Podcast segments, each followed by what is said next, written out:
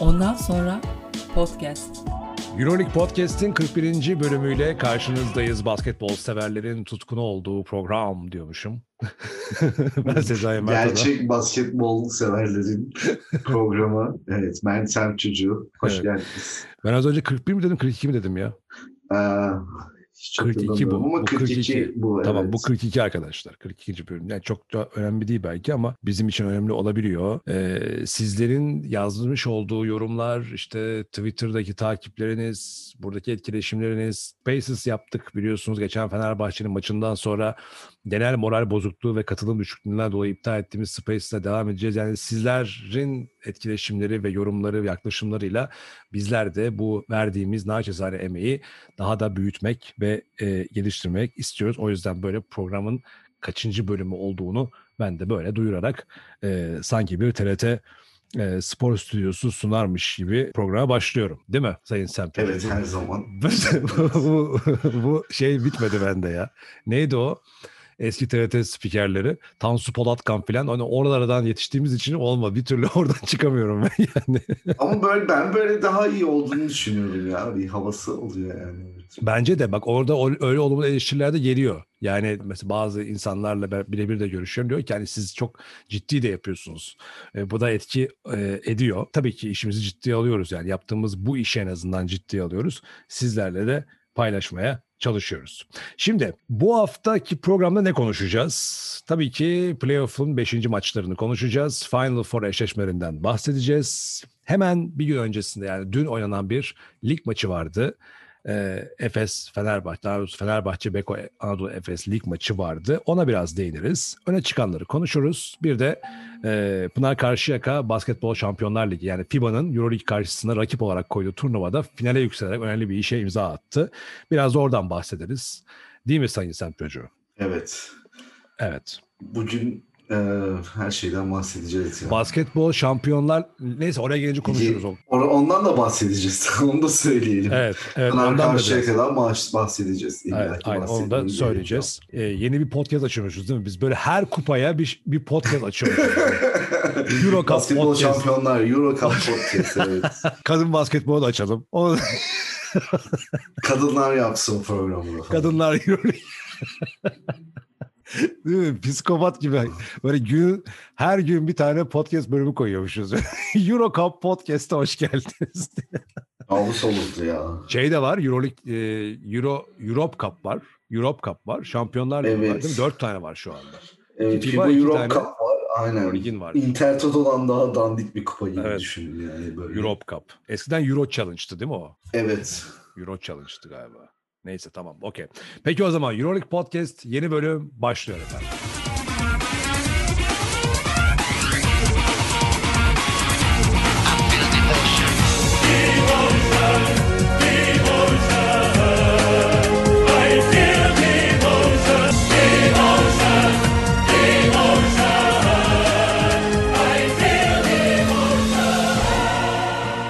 Evet Sayın Sem Çocuğu. Şimdi önce playoff'taki 5. maçlar. Gerçi biraz zaman geçti üzerinden. Onu da sen şikayetin vardı senin onunla alakalı. Ben de sana hatta onu konuşalım. Salı günü efendim tamamlandı maçlar. Bayern, daha şöyle Milan Bayern, Efes Real, Barça, Zenit. Bu arada bu niye Barça diyorum biliyor musun? Neden? Çünkü Türkiye'de e, yanlış bir söylem var. O da şu. Barça diyorlar. Barça de değil Barça abi o. diyorum. Sen de evet bazen sen de öyle. yapıyorsun. Barça değil o. Ben her zaman Barça diyorum. Barça o. Çünkü İspanyollar bunu yani daha Katalanlar yani neyse İspanya İspanyolcadan Barcelona'nın kısaltmasını Barça yazıyorlar. O Barça diye okunuyor. O harf S olarak okunuyor. Türkçedeki Ç ile benzeyen bir harf olduğu için biz Ç diyoruz. Ee, yoksa o Barcelona'nın kısaltması Barça. Bilmiyorum ben Barcelona'da da yani insanların Barça dediğini duymuştum yani.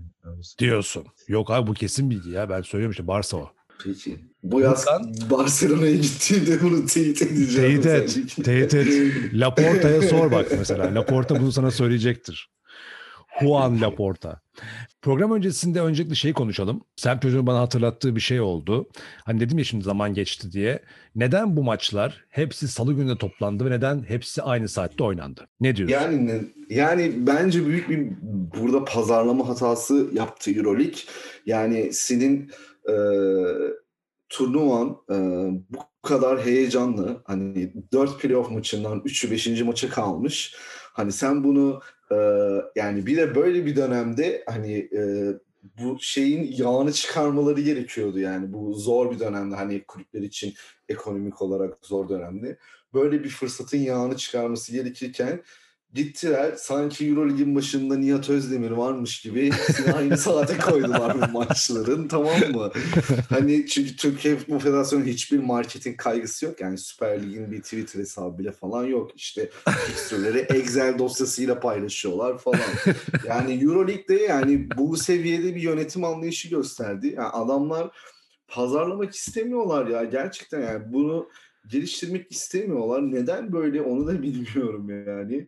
Ee, inanılmaz geliştirmekten geliştirmek ya. Ben yani geliştirmekten çok ziyade aptalca bir buldum açıkçası. Hepsinin aynı saatte oynanmasını. Yani birbirlerini mi ilgilendiriyor, birbirlerini mi etkileyecekti falan. Ne yani? Hani mesela atıyorum bir lig, lig olsa olur. Mesela örnek veriyorum.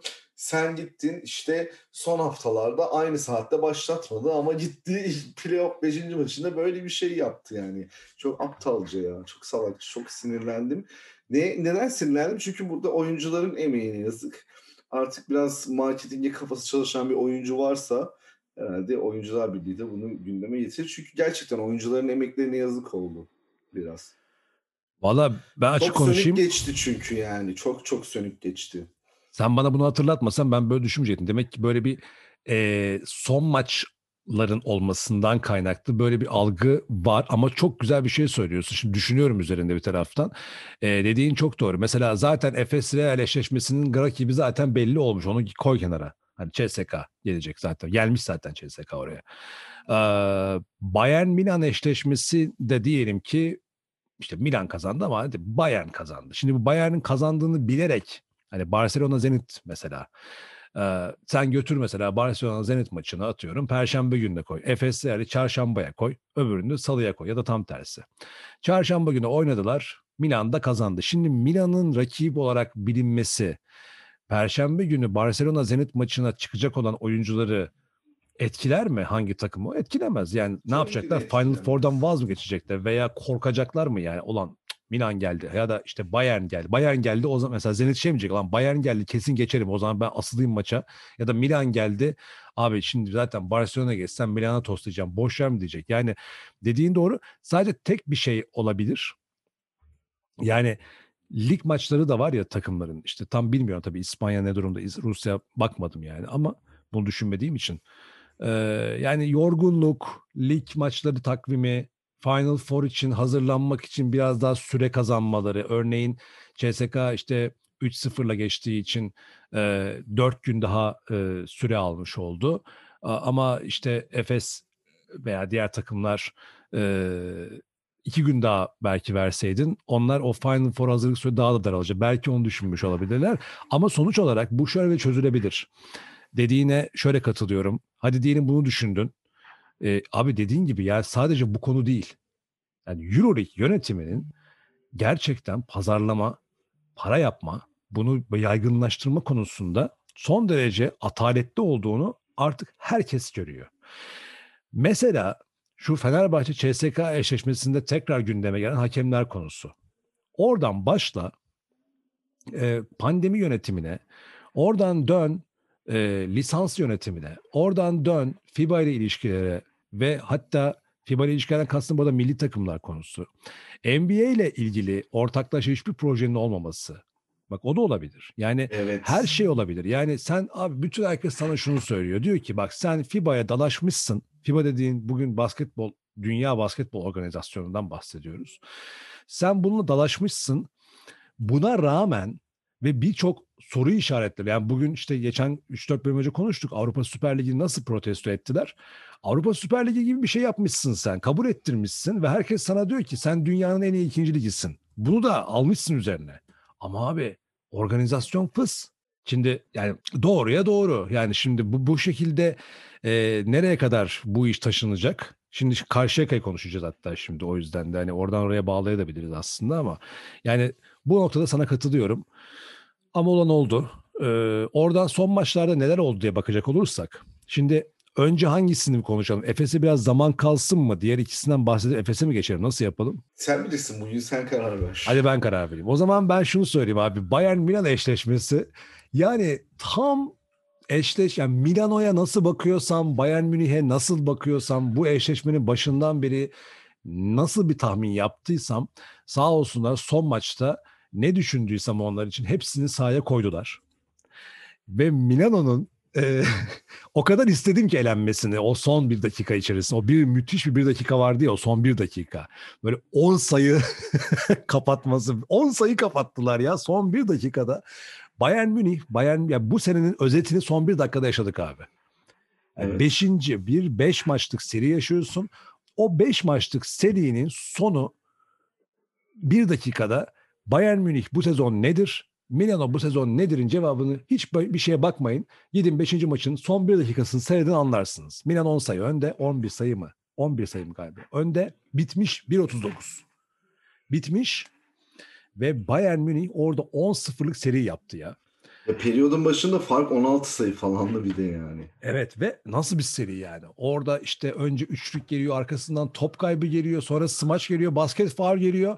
Fenerbahçe'nin de böyle bir örneği vardı. Ben şimdi maçı hatırlamıyorum da işte çok kısa bir sürede 17 sayıdan gelmişti Fenerbahçe Obradoviç zamanında bir sezon.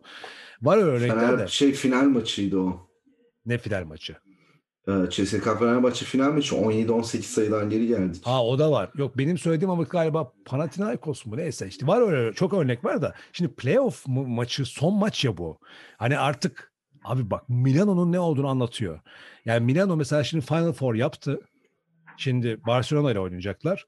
Abi kimle oynasa oynasın. Yani Milano bu sene şeyi insanlara kabul ettiremedi. Yani Final Four yapmış olmalarına, iyi bir derece yapmış olmalarına, çok güçlü bir kadroları olmalarına rağmen Milano Ya insanlara... Milano iyi bir takım demez yani kimse. Evet ya işte bunu kabul ettiremediler. Ee, bunun sezon yani Final Four'da finale mi çıkarlar? Üçüncü mü dördüncü mü olurlar? Neyse ne bu sezonu bitirecekler. Oturup bence bunu konuşsunlar. Ya abi biz neden bu karizmayı sağlayamadık bu seneyi? Bence düşünmeleri gerekiyor. Ki yani Gigi Datome ve Kyle Hines gibi iki ağır abi olmasına Evet. rağmen yani. Aynen öyle. Ya bir bir şey var, bir şey eksik. Yani buna Sergio Rodriguez'i, Malcolm Delaney'i falan ekle yani. Yani böyle bir takım çok sönük duruyor ya. Anlatamam. Yani Fenerbahçe bir de daha havalı duruyor yani. Yani Lorenzo Brown'lu falan böyle yani sen düşün. Ya o biraz herhalde ya nasıl ya, ya oyunları şey bir oyun yok yani net bir oyunları yok dominant bir oyunları da yok olmadı yani böyle sezon boyunca. ha dominasyon konusu. Seride de, de o dominasyon yaratamadılar. Ya mesela şimdi şöyle bir şey senin söylediğin isimler zaten hani yıldız oyuncular ama sen aslında bütün bu sene bütün gücünü bu yıldız oyunculardan değil tam tersine Zach Lidey'den, Shavon Shields'tan, yeri geldi Tarcheski'den, yeri geldi Michov'dan aldın. Yani, Yani 5. bir de- maç zaten Shavon Shields ya direkt. evet yani bir de böyle bir şey de var. Sen şimdi bu çok büyük bir nimet. Mesela Fenerbahçe'de olmayan şey var Milano'da. Yani Hı. yıldızlarının yanındaki parçalar yıldızlardan daha fazla iş yapınca yıldızlar zaten yıldız oluyor ve ortaya hiçbir şey yapmasan Ettore Messina gibi üst düzeyin üst düzey bir koç olmasa da orta derece takıma hükmetmesi yeterli bir koç olunca bile e, iyi bir sonuç çıkartırsın bu takımdan yani. En kötü Ama beşinci biraz yaparsın. Messina'ya da yazmak lazım burada. Mesela biz Yaskevicius'u öneriyoruz yani. Aslında Milano'da e, bir Barcelona minyatürü gibi düşünebiliriz aslında. Hani prime yıldızlar değil de işte son dönemine girmiş yıldızları falan topladılar böyle. E, yani o, zaten Milano'nun hep bir takım olma sorunu var ya. Hani işte o Evet. Messina mesela Messina'dan başka bir hoca Final Four'a taşıyamazdı bence Milan'ı. E, katılıyorum. Milan'ın o Yani anlamda hakkını vereyim. Yani tabii. bu olmayan adamlardan bir şekilde tutturdu o tutkalı yani bir şeyler yaptı. Ee, yani şuna şöyle katılıyorum. Messina'nın tecrübesi, ağırlığı, e, tabii buralara çok fazla oynamış olması, İtalyan oluşu. Hani bütün bunların hepsinin çok büyük e, katkısı var. Ama e, Milano'nun belki bu kadroyu en azından 2-3 sene daha çok tabii ki mutlaka giden hocatır ama hani gitti geldilerden çıkması lazım. Bak mesela Barcelona'nın da bugünkü problemi o. Yani bu o gitti bu geldi, o gitti bu geldi. Bak bu sene de bu geldi. O yerine e, bir kemik mesela neden Real Madrid konuştu insanlar bu kadar şeye Aynen, rağmen? 5 senedir aynı kemikle Evet, oynuyorlar ha. adamlar. Neden Evet. Obradovic'in Fenerbahçe'si? E, çünkü Aynen, öyle. değilim hatta.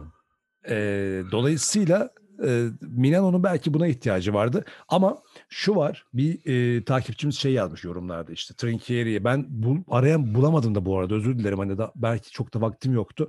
Trinkieri'nin maç sonrası Messina'ya laf söylemesi falan sen yakalayabildin mi orayı? Ee, evet ama Trinkieri bir herkesi sinirliydi ya böyle bir 2-3 kişiye daha böyle şey salladı falan. Galiba Datome'ye git falan filan konuşma ben de şu an gibisinden bir şeyler yaptı. Çok bozulmuştu yani ya. O kadar ucu ucuna gelip kaybetmek kötü oldu. Valla şöyle bir şey e, o da demiş ki yani Trinkieri seçmiştim ama diyor bu davranışlarından dolayı diyor artık oyumu geri alıyorum falan demiş hani oradaki e, Ama maçın sonunda yani net bir böyle a- şey vardı yani böyle Trinkieri yani Messina'ya nasıl diyeyim sana. Aslında onlar da biraz hani Messina sonuçta İtalyan basketbolunda en top seviyedeki yaşayan insan şu Evet. anda. Ee, Trinkieri ona karşı böyle bir şey yapınca bir de kaybedince tabii Trinkieri'nin karakterinde hepimiz az çok artık öğrendik falan yani. Hı hı. Hani böyle sen yendin ama hani ben saymıyorum gibisinden böyle bir havası da vardı yani böyle. Ya Hani sen yendin bir aması vardı yani. Hani sen yendin dedi ama ne dedi orada bir onu bilemem artık. Şimdi aslında gerçek şu.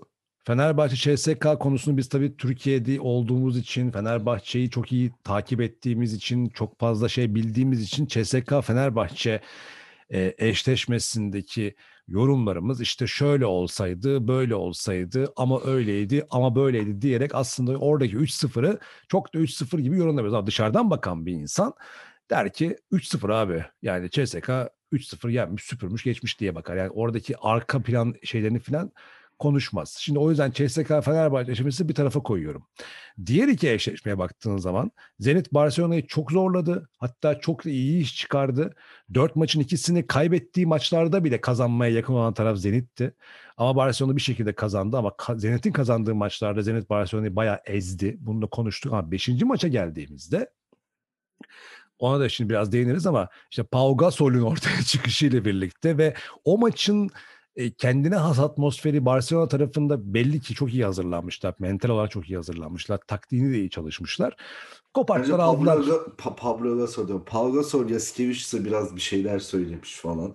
Farklı bir takım olarak çıktılar ya. Evet. Bir de Çok Brandon farklıydı. Davis Brandon Davis'in isteği bulaşmıştı biraz bir kişiye. Pau Gasol herhalde utandı artık ya Allah'ım hani bu saatten sonra bunlara eğlenmeyelim falan gibisinden. Pau Gasol'le ilgili yaptığım bir performanstı ya. Ya Gasol'le ilgili yaptığım bir yorum vardı yani onun bu takımın eksiği olan takım olma halini kapatacak bir hamle olacağını düşün konuşmuştuk seninle. Öyle de oldu. Beşinci maçta gerçekten Barcelona ismini, o büyük takım ismini taşıyan bir takımı nihayet gördük. Ve bu da tabii ki galibiyet sonuçlandı. Zenit'i Pau tabii ki tebrik bir de şöyle bir şey de var. Sempatik biri. Mesela Navarro da aslında Barcelona'nın efsanesi ama mesela Pau Gasol oyunculardan çok daha fazla saygı gördü soyunma odasında. Bu net yani. E, Mutlaka abi şimdi sen ne demek yani Kobe adam Bryant'ın kankisi. 20 sene yani. NBA'de oynamış, Kobe Bryant'la beraber şampiyonluk yaşamış ki Kobe Bryant'la şampiyonluk yaşadığı o iki sezonun çok çok daha değeri var. Shaq'ın gitmesinden sonra e, Kobe'nin onur savaşı orası. Hani Kobe'nin onur savaşı verdiği e, bir iki sezonda Shaq'ın yerine gelmiş olan bir pivot e, Pau Gasol. Pau Gasol dünya çapında saygınlığı olan bir isim. Barcelona için de anıt bir isim. Haliyle tabii ki şeyi var. e, çok büyük değeri var Barcelona için ve bunun karşılığını o maçta aldılar. Şimdi ben bunu niye söyledim? Şundan söyledim. Şimdi CSK Moskova tamam. Efes Real zaten gereksiz uzayan bir seri olarak görüyor, görüyordu herkes. O maçı şimdi değineceğiz ama neticede son maçta işte bir şekilde Efes kazandı ve oldu. Herkes zaten Efes'in kazanmasını bekliyordu. Ama bu Bayern Real pat oldu abi. Berabere kaldılar yani bunlar. Yani birinin yani sırf kazan birini kazandığı ilan gerekiyor. O da artık bir şekilde Milano oldu oldu. Yani Trinkieri'nin gerginliğini anlayabiliyorum. Ben de o noktada olsam öf deyip kabul edemeyebilirdim ama tam tersi olsaydı yani Bayern o son bir dakika geri dönüşünü tamamlayıp bir sayı farklı da olsa kazansaydı bu sefer de Messina bunu kabul edemeyecekti. Yani o da öyle bir durum yani. Çok eşit. Birisinin kadro gücü öbürünün karşısında fersah fersah daha güçlü bir kadrosu var. Bak fersah fersah diyorum. Belki çok iddialı ama bence öyle. Öteki tarafta da onun hiç elde edemediği bak orada yine abartarak söylüyorum. Milano'nun hiç elde edemediği takım olmanın büyük büyük yapmış olan bir Bayern Münih var. Yani e, bütün parçalarıyla oluşan iyi bir takım, direnci olan bir takım. E, kendi oyun tarzını yaratmış, oyuna hükmetmeyi bilen, normal sezonda favorileri yenmeyi başarmış bir takım. Öteki tarafta da bayağı böyle en büyük bütçeli bir takım. Belki de en büyük 3 bütçeli takımdan bir tanesi Milano. Dolayısıyla çok keyifli basketbolun iyi ol bir yani basketbol severler için iyi bir seri oldu. Ee, ama ben açıkçası kendi adıma Bayern kazansın istedim ama olmadı. Yapacak bir şey yok. Barcelona Zenit'ten de aslında bahsettik. Kevin Pangos ve Yazık Tabii. oldu. Pascual'e saygılarımızı sunarak e, herhalde bütün basketbol severler öyle baktılar konuya. E, bu hem sadece tabii o ikisine değil yani çok önemli işler yapan, çok tecrübeli oyuncuları olan e, ama özel bir takımdı Zenit. Önümüzdeki senede umarım görürüz şeyde yine Euroleague'de. E, ben isterim yani bu takımın bir düşmesini istemem başka bir. Zaten bir kontenjan soru işareti. Bence oraya onu yazarlar. Şimdi Zenit'i de ben habire playoff'a yazdım sezon boyu. Şimdi doymadım. Şimdi de kontenjana yazıyorum farkındaysan.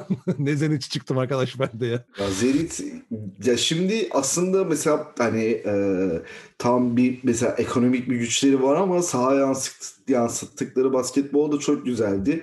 Hani e, herkesten büyük sempati topladılar. Tabii bu takımı korurlarsa bence wild card alırlar yine yani bu takımın üstüne koyarlarsa.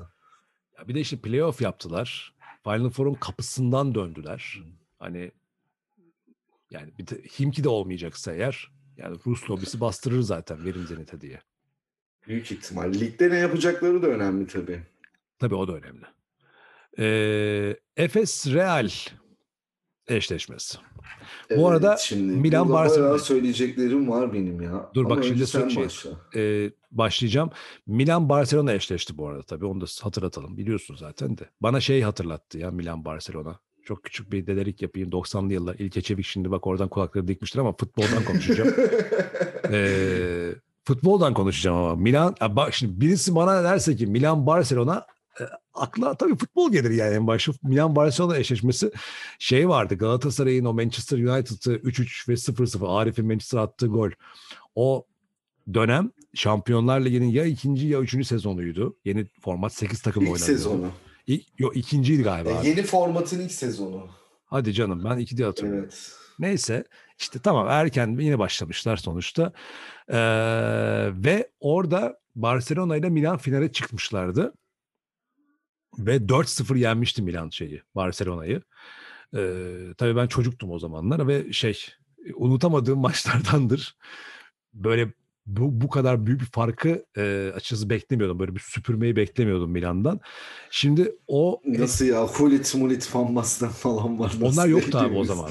Yoktu Nasıl? o sene. 90, 93 94'ten mi bahsediyorsun? Evet evet Van Basten yoktu o zaman. 90 o zaman yoktu şey Dözeli attı. Savicevic attı. Hatırlıyorum golleri.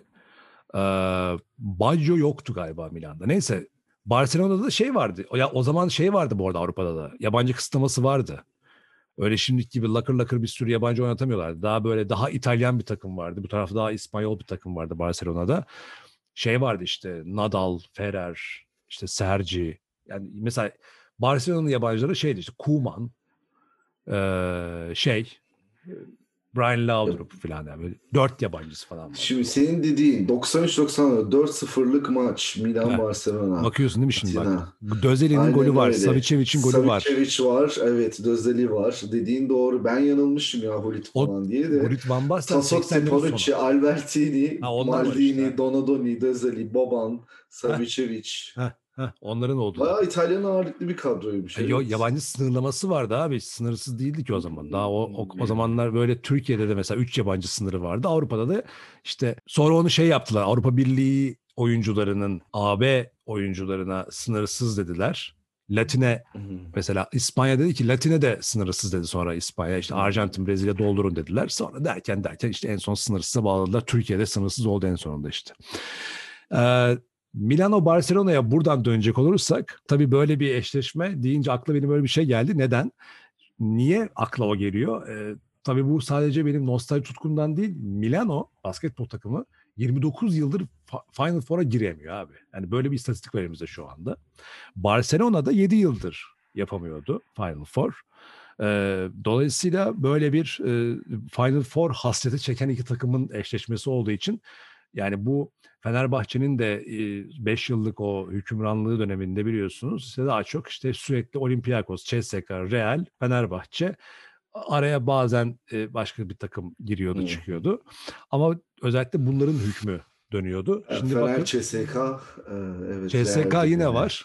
Ama Olympiakos yok, Real yok, Fenerbahçe yok. Şimdi Efes geldi, Milano geldi, Barcelona geldi. Deyip buradan Efes Real evet ben başlayayım o zaman. Ağzımda açıldı madem konuşayım. Şimdi Efes Real finalinde ben çok basketbol konuşmayacağım. Neden konuşmayacağım? Birincisi ya çünkü şöyle bir şey abi. Şimdi iki tane böyle boş boş maç verdiğinde boş yani boş boş diyorum şimdi kızacaklar bana da hani eleştirisini yaptık o iki maçın. Ergin Ataman da kabul etti. Bu, bu utançtı dedi bizim için dedi yani. Bile bana bana sallıyorsunuz da Ergin Ataman da söylüyor işte bunun çok büyük bir yanlış olduğunu. Ee, ama en önemli dezavantajı beşinci maçın psikolojisiydi. Yani şimdi o iki maçı kaybetmenin yanında durduk yere beşinci maç gerginliği yaşadın sen Real karşısında. Ve Real tabii ki daha özgüvenli geldi. Ee, ve Beni öldürmeyen şeyi güçlendirir misali daha da kuvvetlendiler her maç sonrası. Evet Twitter'da da yine çok güzel böyle bir sürü default konulan bazı videolar var. Video kesitleri var. Her duruma uyarlanıyor ya bunlar. Şeye çok güldüm işte yani şimdi küfürlü olanları söylemeyeceğim buradan da onu bilen bilir. Bu çukurda böyle bir şeyin e, neydi adamın ismi? Aras Bulut İğnemli'nin yine abartılı oyunculuğu Ercan Kesal'ın karşısında yaparsın o yavrum yapamam baba yaparsın evladım yapamam baba falan diye bir diyalog var. Görmüşsündür. Onu hep koyuyorlar bir duruma göre. Abi maç arasında onu koymuşlar şey diyor. Ergin Ataman devre arasında Larkin'le konuşuyordu. evet aynen. Larkin ikna edemedi hala. Çok net belli yani. Büyük bir kriz var orada Larkin'le. Yapamam baba diyor. Yaparsın evladım. Şimdi... Hayır yapamam değil de yap, yani Larkin'in olayı yapmak istemiyorum biraz. Şimdi Shane Larkin e, basketbol yapısı itibariyle şimdi yine bana saldıracaklar ama biraz Stephen Curry gibi bir oyuncu. Yani çok şuta ve penetreye odaklı yani. Sonuç, sonuçta bu, bu kısa bir oyuncu abi bu adam. Bu, bu adam point guard ötesi yani öte, ötesi derken çok iyi bir point guard olmakla birlikte e, yani mesela LeBron James gibi yönlendiricilik takım mesela bu takımın beyni aslında Vasilya Mitsic. Larkin takımın beyni olmaktan ziyade takımın starı. Yani benzer bir şeyi ben Dekolo için de söylüyorum biliyorsun ama Dekolo de diyebiliriz daha. Evet ama mesela Dekolo Larkin'den daha efekt daha m, güvenilir bir karakter bir takım için. Çünkü Dekolo e, nun sayı atamaması atamadığı maçlarda Dekolo yine bir şey yapıyordur. Ama Larkin çok skor odak, skor temelli bir oyuncu yani. Hani sunumu öyle. Ve bugüne kadar Efes'e katkısını da skor temelli olarak verdi. Şimdi bu adam durduğu zaman mesela bazı maçlarda Curry de durduğu zaman o takım oynayamaz. Şimdi Larkin durduğu zaman senin çok büyük bir plan değişikliğine gitmen gerekiyor. Eğer Larkin'le başladıysan planına. Şimdi böyle bir sıkıntı bir tıkanıklık oluştu. Ama insanlara mesela bazıları diyor ya Efes'i çok abartıyorsunuz, uzay takımı diyorsunuz. Yok ya kimse abartmıyor da yani sonuçta ortada iyi bir takım var, üst düzey bir takım var dememin sebebi aslında takımın süperstarının böylesine kritik bir maçta yani bütün senenin emeğinin çöpe gitme ihtimalinin olduğu bir maçta karşında Real Madrid varken takımın süperstarı durmuşken sıfır sayıyla maç götürürken e, gelip birileri o takımın içerisinden birileri gelip de o maçı kurtarıyorsa e, yani övülür abi o takım. Yani şimdi e, mesela tabii ki Chris Singleton'ın playoff 5. maçlarında Fenerbahçe'nin sanırım ilk e, Final Four senesinde Lokomotiv Kuban'da oynarken Singleton aynı şeyi Barcelona'ya son maçta yapmış. E, ben de biraz karıştırdım tarihi. Singleton'ın bu bir ikinci beşinci maç şovu yani. İşte Chris Singleton'ın şovu geldi, Simon'un üçlüğü geldi, Doğuş Balbay'ın mesela maç içerisinde yaptığı savunmalar geldi, Sertaş Şanlı'nın yine maçın başına Tavares'i kitleme savunmaları geldi. Ee, Mitsic'in maçın belli dönemlerinde yine katkısı geldi ve en sonunda Larkin bir yerde üçlük attı falan böyle ama sonra dönüp mesela şey diyorlar abi işte Simon'un üçlük balıyla kazandınız yok efendim e, şunla şu balla kazandınız şu bal ya şimdi öyle olmuyor işte yani Efes bu serinin bu maçını kendisi zora soktu ama kendine yakışan şekilde maçı son ana kadar da zora girmesi çok normaldi bu maçın. Lasso gibi çok deneyimli bir koç, Real Madrid gibi büyük bir marka ve o takımın içerisindeki çok tecrübeli oyuncular, Usman Garuba gibi genç yeteneklerin olduğu bir takım tabii ki bu maçı sonuna kadar kovalayacaktı. Kovaladılar da ama Efes yine kendi zora soktuğu seriyi kendine kendi iç güçleriyle, iç dinamikleriyle e, çıkartarak e, hak ettiği Final Four'u aldı. E, tabii ki bu maçta Singleton ve Simon'un katkısı büyüttü ama Sertaç'ı unutmamak lazım. Ee, herkes şey diyor mesela Plyce girdi kurtardı. Ya abi böyle yorumlanmaz ya. yani böyle yorumlanmaz basketbol yani. Mesela Plyce girdi kurtardı. Simon attı kurtardı. Ha, oldu yani öyle değil işte.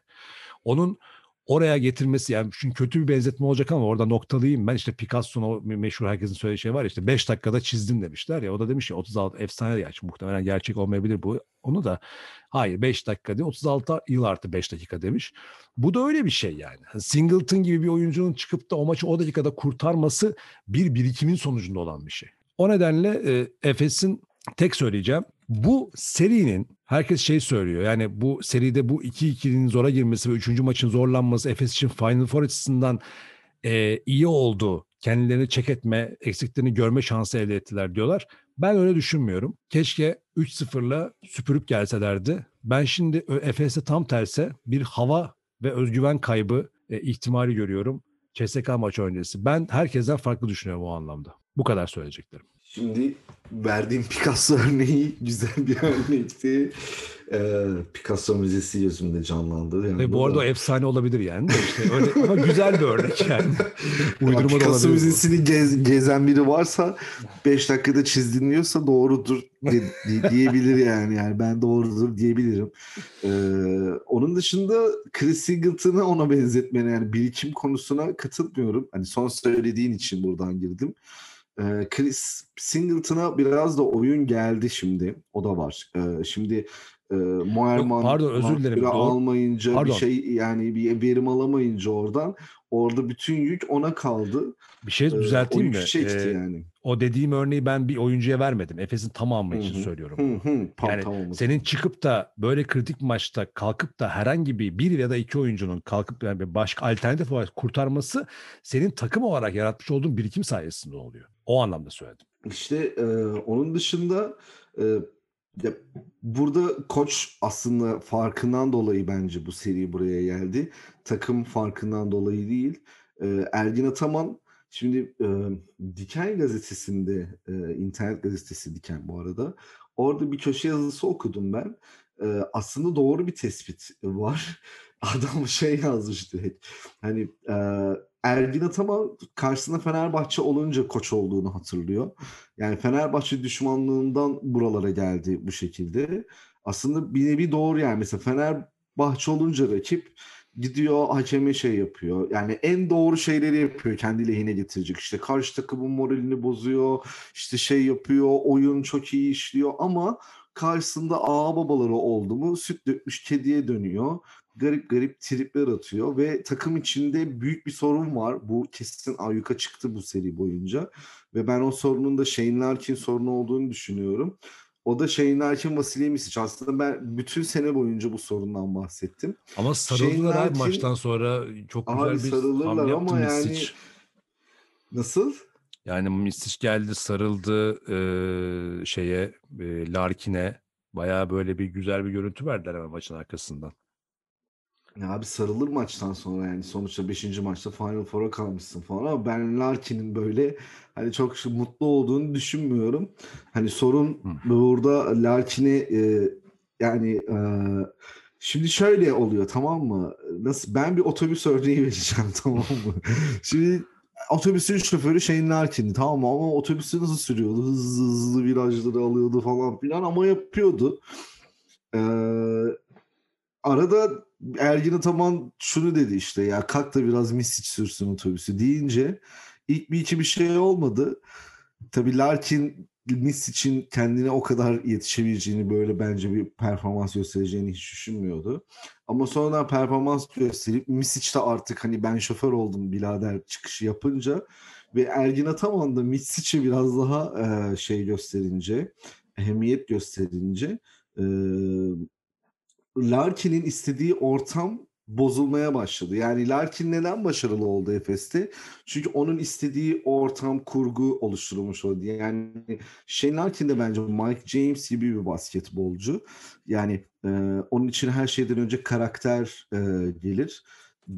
Bunu gösteriyor bize. E, zaten babası da şam, efsane beyzbolcu falan yani.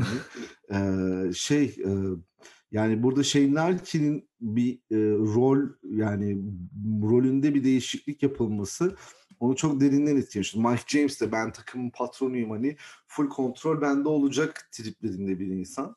E, bunun hakkını veriyor ama Shane Larkin de aynı şeyi de bunun hakkını veriyor. Bu kendisinden alınınca böyle bir reaksiyon verdi. Ama yine Ergin Ataman'a yazıyor bunlar. Hani bunun olacağını biliyorsun niye bir B planın yok? Efendime söyleyeyim yine Efes e, e, Real Madrid ters eşleşmelerden vurdu Efes'i. Ve yine sene başından beri bu kadar ayyuka çıkan bir mevzuyu çözememiş olması bir koçluk zaafı yani. Bu takım aslında ters eşleşmelerde kağıt üzerinde çok avantajlı bir takım olarak görüyorsun. Çünkü takımdaki herkes şutör veya şutörden ziyade bir numaraları dahil olmak üzere sırtı dönük de oynayabiliyorlar falan yani mesela. Ee, veya uzun kısaları yani uzun olan kısalar üzerinden de yani mesela Simon bile sırtı dönük oyun kurabiliyor falan böyle. Terse şişmeleri çok güzel cezalandırabilecekken nedense hep cezalanan Efes oluyor. Buna bir çözüm bulamadı. Final Four'da buna bir çözüm gelmezse burayı ben okşayacağını düşünüyorum CSK'nın. Ee, bir de eski temposundan çok uzak Efes. Koş koş oynamıyor artık basketbolu Efes. Çok sıkıştı. Efes'in e, yani. dezavantajı yani şöyle. adam eksiltememeye adam eksiltememeye başladı. Aslında burada en önemli sıkıntı Shane Larkin aslında o adam eksiltmeleri başlatan oyuncu oluyordu. İşte o stratejik olunca Ergin Ataman ikinci bir strateji ortaya koyamadı. Hala çıkaramadı. Nasıl yapacak bilmiyorum. Ee, ama yani biz bundan 3 hafta önce ya Efes şampiyon olur diyorduk ama bugün oturup baktığımda bilemiyorum yani ben kim şampiyon olur. Şimdi iki tane şey var. Bir tanesi artık bunu konuşmaya gerek yok. Final Four'da bunlar konuşulmaz ama buraya kadar iyi getirdiler. Geçen program söylemeyi unuttum. Efes'in genel oyun tarzında şöyle bir şey vardı. Oyunun maç sonuna kadar e, maç sonuna gelindiğinde sıkıntı yaşaması. Yani maç sonuna gelmiş karşı taraf daha fazla istiyorsa Efes genelde kaybediyor. Dominasyonunu baştan sona sağlayıp baştan sona olmasa bile ikinci periyottan itibaren sağlayıp 2 ve 3'ler çünkü daha başarılı Efes'te. 2 ve 3'te sağlayıp e, artık maçı kopartmış ve karşı tarafı sindirmiş olduğu olma alışkanlığı var Efes'in. Şimdi tabii Final Four'da bir maç var oynayacağın. Hani tek maçsın yani yarı finalde öyle, finalde öyle. Burada bu konuşulmaz artık ama genel olarak şu maç sonu hikayesi. Çünkü Ergen Ataman iki yıllık sözleşme imza attı bu arada bir tahminim doğru çıktı. Ataman kalır demiştim. Kaldı NBA da. Gidecek falan filan diyenler vardı ya. Yok onunla ilgili yok ben şey söylüyorum. Ee, onu söyledim. Şöyle bir düşüncem var. NBA abi şimdi NBA'ye şöyle şimdi NBA'ye gidersin ama Fenerbahçe Ataman... NBA'ye alınırsa Ergin Ataman NBA'ye hedefler ancak. yok şöyle düşünüyorum ben Ergin Ataman'la evet. alakalı. Ya yani ben öyle. şimdi oradan laf yiyeceğim de ben onu çok ya öyle düşünmüyorum ama sen tamam bir şey demiyorum. Yani öyle düşünenlere de bir şey diyorum. Ben artık öyle yapıyorum abi ne bileyim bu Fatih Terim mevzusunda falan da öyle veya başka konularda da öyle. Hani Fenerbahçe, Galatasaray, Beşiktaş taraftarlarıyla sohbetlerimde her taraftarın kendi e, stereotipı var. Yani klişesi var. Klişe de, derken bunu yanlış anlamayın. Yani bunu katılmıyorum diye söylemiyorum. Ama ben uzak duruyorum ya da ama şöyle bir saygı duyuyorum da hani pay da veriyorum. Tamam doğru diyorum. Hani bu bunu göremiyor olabilirim diyorum ben kendi adıma. Ergen Ataman'la alakalı şöyle bir şey. İki yıllık imza ya ben bunu bekliyordum ama ben onun yerinde olsam NBA'yi şöyle hedeflerim. Şimdi Ettore Messina gitti Greg Popovich'in, Ettore Messina gibi bir adam Greg Popovich'in asistan koçluğunu yaptı. Ee, mesela şu anda Mark D'Antoni gibi NBA'in çok önemli head coach'ları yani Houston Rockets'ın head coach'luğunu yaptı en son yani öyle bir adam. Şu anda şeyde Brooklyn'de e, şeyin yardımcılığını yapıyor. Steve Nash'in ki koçlukta çömez sayılır Steve Nash. Onun yardımcılığını yapıyor. Dolayısıyla e, Ergin Ataman'ın gayet iyi İngilizcesi de var. Çok deneyimli bir hoca. Basketbolu çok iyi bilen bir hoca. E, iki sene artık devam eder etmez ama oradan bence bir asistan koçluk kovalamasını beklerim. Yani şimdi mesela iki sene diyelim Efes'te şöyle böyle çalıştı. Ne olacaksa olacak. Ondan sonra mesela ne yapacaksın abi? Gideceksin yine bir Euroleague takımında mı çalışacaksın? Ben olsam de, tamam derim abi Avrupa yeter yeter Avrupa yani tamam hepsini kazandım zaten hani bu sene de Euroleague'i kazanırsa tamam artık kazandığımı kazandım zaten kendim bütün dolaştım yani. Giderim oraya kasarım çünkü yaşı da müsait 55 yaşında şu anda ya 55 ya 54 mü öyle bir şey yaşı gayet müsait bir yaş diye düşünüyorum. Ee, Final Four için sana sorayım. Senin de bu konuda fikrini sormak istiyorum. Çünkü bu genelde hep buraya odaklandılar. Şimdi ben diyorum ki Real Madrid 3. maçta beklenildiği üzere ki kazanmaya çok yakındılar. O son maç son top hatalarını yapmasalardı 3-0'la alıp götürselerdi o CSK karşısında aynı özgüvenle çıkacaklardı ve CSK'ya karşı böyle psikolojik üstünlüklerini sağlayacaklardı. Ama Şimdi bu iki maçı kaybedip üçüncü maçta, beşinci maçta böyle e, kasıla kasıla hani gitti geldi falan olan acaba oldu falan geçtiler. Şimdi bu hem CSK'ya bir moral verdi hem de Efes'in de durduk yere kendi kendine bir acaba sorusunu sormasına sebep verdi diyorum ben. Ama insan tam tersini düşünüyor. Genelde yorumları öyle okudu. Herkes şey diyor ya bu çok güzel oldu işte. Efes kendi sorunlarıyla yüzleşti, çek etti kendini. Bunları düzeltip öyle gidecek Final Four'a. Ben öyle düşünmüyorum. Ee, sen ne diyorsun? İyi mi oldu kötü ben mü oldu? Ben 50-50 yani? düşünüyorum açıkçası ya. Yarı yarıya yani her iki tarafa da hak veriyorum bu konuda. Yani senin dediğin de doğru aslında işte e, hani CSK bundan bir özgüven kazandı da doğru ama bir anda hatalarından ders aldığına da hak veriyorum. Hatalarından ders alan kimler vardır burada? Sertaç vardır, Rodrigo Mola vardır yani bunlar vardır. Veya Kurunuslav Simon, Bryant Dunstan ama Shane Larkin'in, Vasilya için dönüp hatalarından ders alacağını pek düşünmüyorum. Ee, onun dışında e, şey kısmına katılıyorum. Ee, evet özgüven eksikliği. Ama bence CSK şu an daha alert durumda. Neden diyeceksin? Çünkü CSK diyor ki ya biz pislik yaptık, onu yaptık, bunu yaptık, ucuz kurtulduk ama Efes bizi affetmeyecek. Biz iyice bence sıkı sıkıya hazırlanalımın peşindeler şu anda. Çünkü e, yani Efes gibi yani şimdi orada at at oyununa dönerse Efes çok başka işler yapabilir yani orada.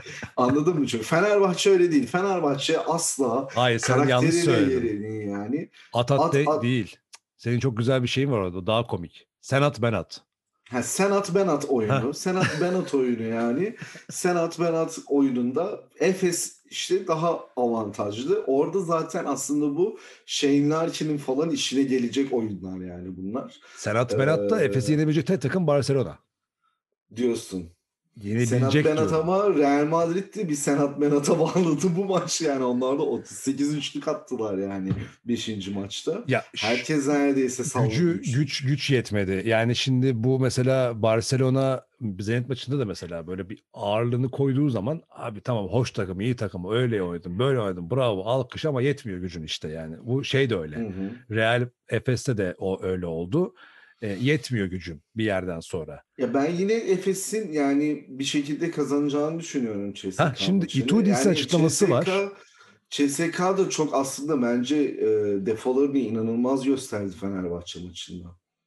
Itudis ne demiş biliyor musun? için hareketi playoff'un en iyi 10 hareketine girdi. Yani oturup CSK düşünsün bunu. Şey e, Dimitris Itudis demiş ki ben demiş Final Four'a çok büyük sürpriz yaşanacağını düşünmüyorum. Şimdi açıklamaya bak.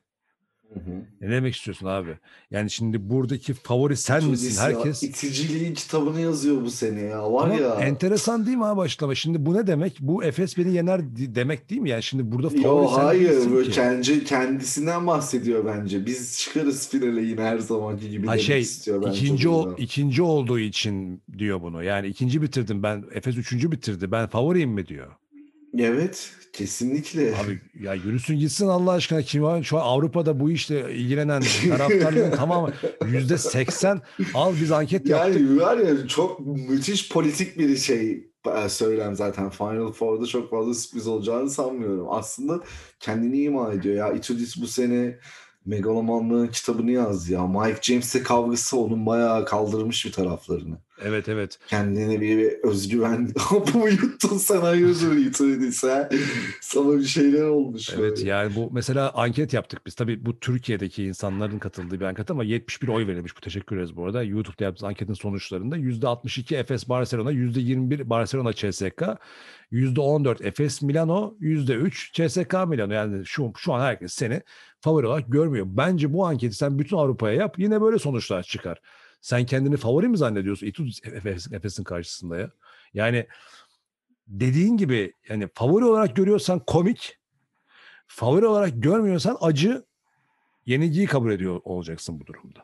Ya ben Evet. buradan sürpriz zannetmiyorum. Ne diyor? Ben diyor Barcelona'da final oynarım. Ya şimdi bunlar inanılmaz şey. Pis açıklamalar. E, evet yani. Temiz değil yani Ee, bu pis açıklamalar. Şimdi o zaman işte bak fanatizm nasıl doğmuştur? Ha böyle doğmuştur. Yani şimdi biri çıkar böyle saçma sapan konuşur, öbürü de hırslanır.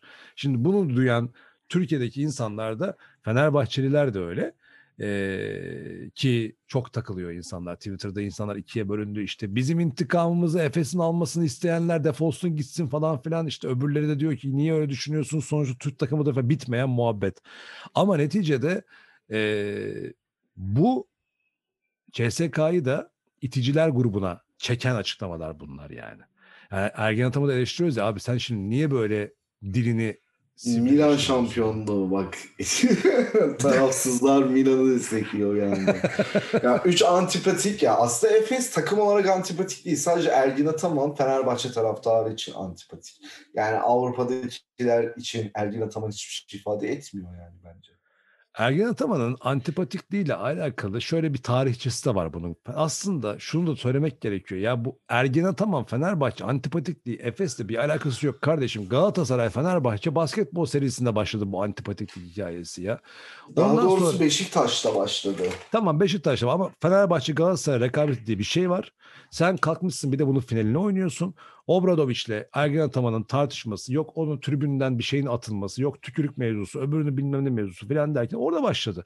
E şimdi Efes'in başına geçti. Tam Fenerbahçe'nin böyle bir hafif eğrinin aşağıya doğru indiği bir dönemde onlar yukarı doğru çıkınca bir yerde kesişme oldu falan filan ama Efes Ergen Ataman dönemiyle Fenerbahçe biraz bana bir tık suni geliyor bu şey e, gerginlik. Yani o Galatasaray döneminde çok ayyuka çıkmıştı.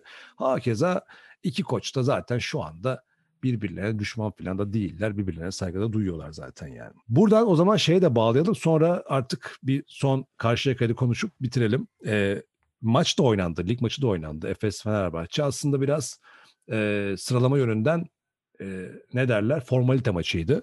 Çünkü Efes birinciliği Fenerbahçe ikinciliği garantilemişti zaten. Kafa kafaya gitti maç e, ve de az bir farkla e, Efes kazandı. Fenerbahçe Dekolo'dan e, mahrumdu. Efes çıkabileceği en iyi kadroya çıkmıştı. Yabancı sınırlaması olduğu için söylüyorum. 5 yabancı sınırlaması olduğu için söylüyorum. E, tabii Larkin de Türk statüsünü oynadığı için avantajları var. Maçın geneline baktığın zaman Fenerbahçe Beko'nun aslında o diriliğini gördük. Tarık Biberovic'teki gelişim devam ediyor. Ee, işte bir önceki lig maçında e, Gerald Edin'in Galatasaray'la oynanan maçta Gerald Edin'in yüksek sayılarını gördük. Bu maçta yine büyük bir gayret vardı. Yani Fenerbahçe Beko'nun şu anda aslında e, genel olarak takımın pozitif bir durumu var. Yani onu nasıl açıklayayım? Şöyle açıklayayım. Euroleague'de e, Final Four'a gelip Final Four'da şampiyonluk kovalamak falan buralar çok hedeflenmedi ya bu senenin başında. Bir anda o playoffs playoff'un bir tık öncesinde yani son 2-3 maç devamında playoff'ta oynanan maçlar çok yordu takımı psikolojik olarak. O çok büyük pislik yani tersler ters şeyler üst üste geldi. Ve biraz artık o takım o Eurolig'in baskısından kurtuldu şu anda.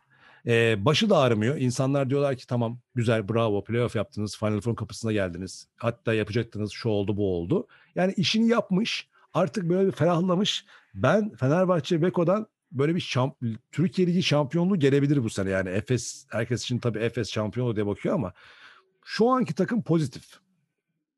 Ve hatta demin söylediğim Efes'in e, CSK karşısında oynayacağı Final Four maçı öncesinde bu Real Madrid itişmesinin yarattığı ters psikolojinin izlerinde gördüm Fenerbahçe maçında Efes'te.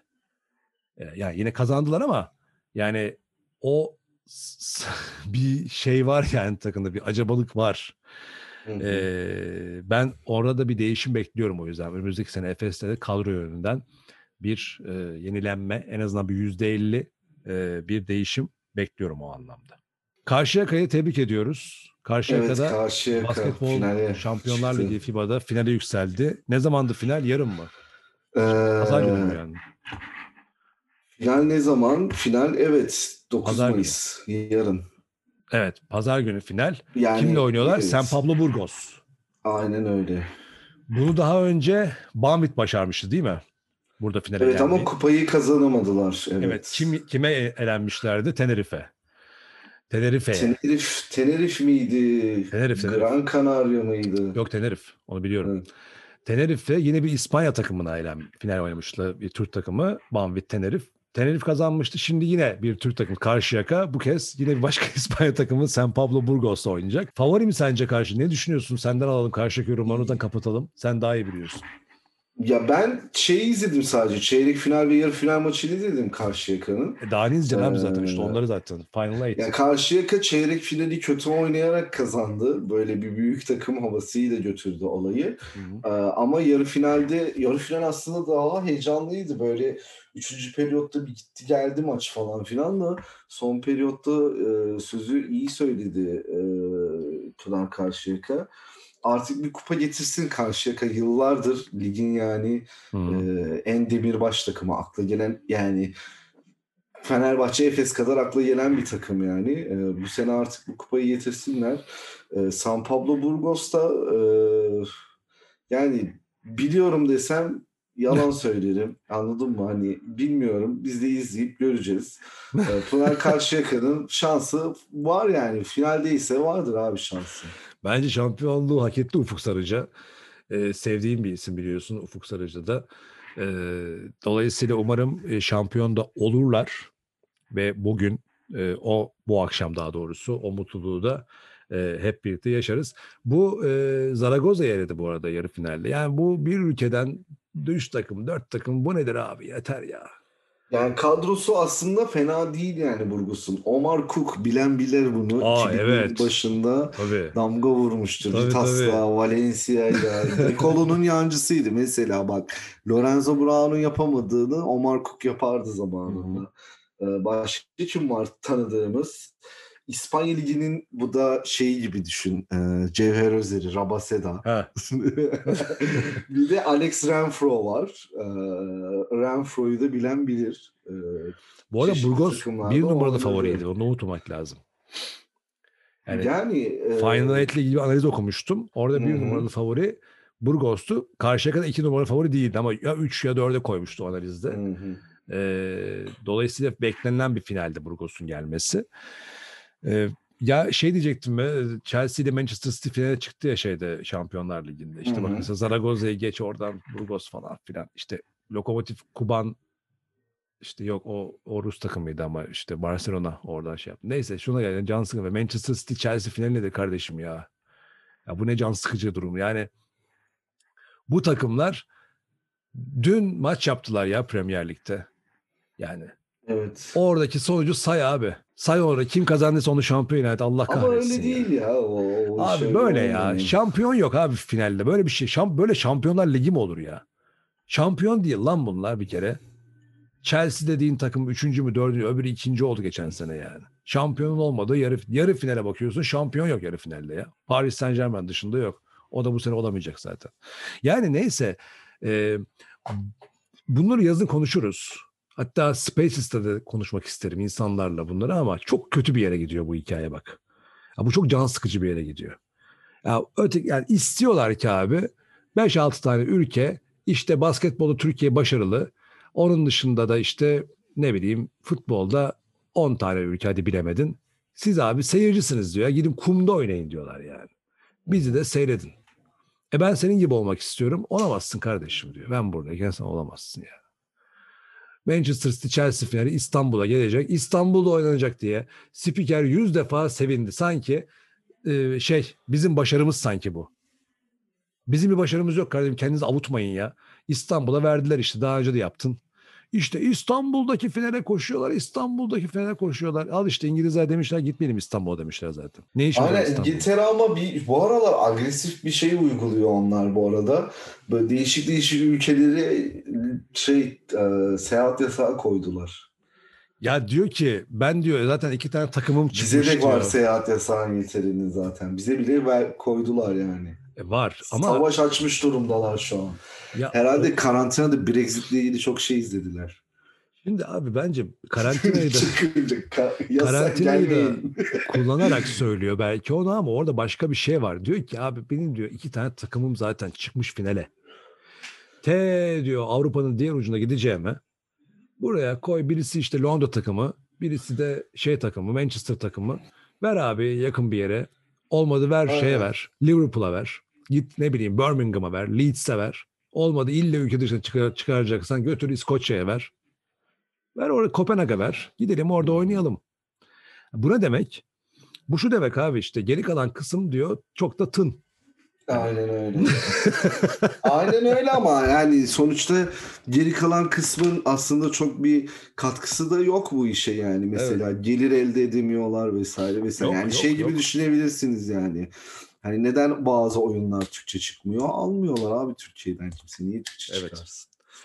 Yani konu sadece Türkiye'de değil aslında. Burada konu Yani Bulgaristan, bize kimse Romanya. düşman değil. Yani onlara da tınlamıyorlar yani. Evet canım yani işte yani. Florentino Perez de söyledi. Yani konu dediğin gibi burada e, bir takım değişikliklere ihtiyaç olacak. Buradan şeye bağlamak istiyorum aslında. FIBA ile Euroleague'in anlaştığı ve bu organizasyonları birlikte yürüttükleri, Euroleague'in lisans ver takımların tabii ki lisans haklarının ve de onların bugüne kadar getirmiş olduğu birikimlerin korunduğu ama bununla beraber olayın biraz daha genişlediği ve böylece pazarın büyüdüğü, olayın daha cazibeli hale getirildiği bir takım adımlara ihtiyaç var. Hı. Öteki türlü şu oluyor abi. Gücü eline geçiren, bak gücü eline geçiren götürebildiği kadar götürüyor.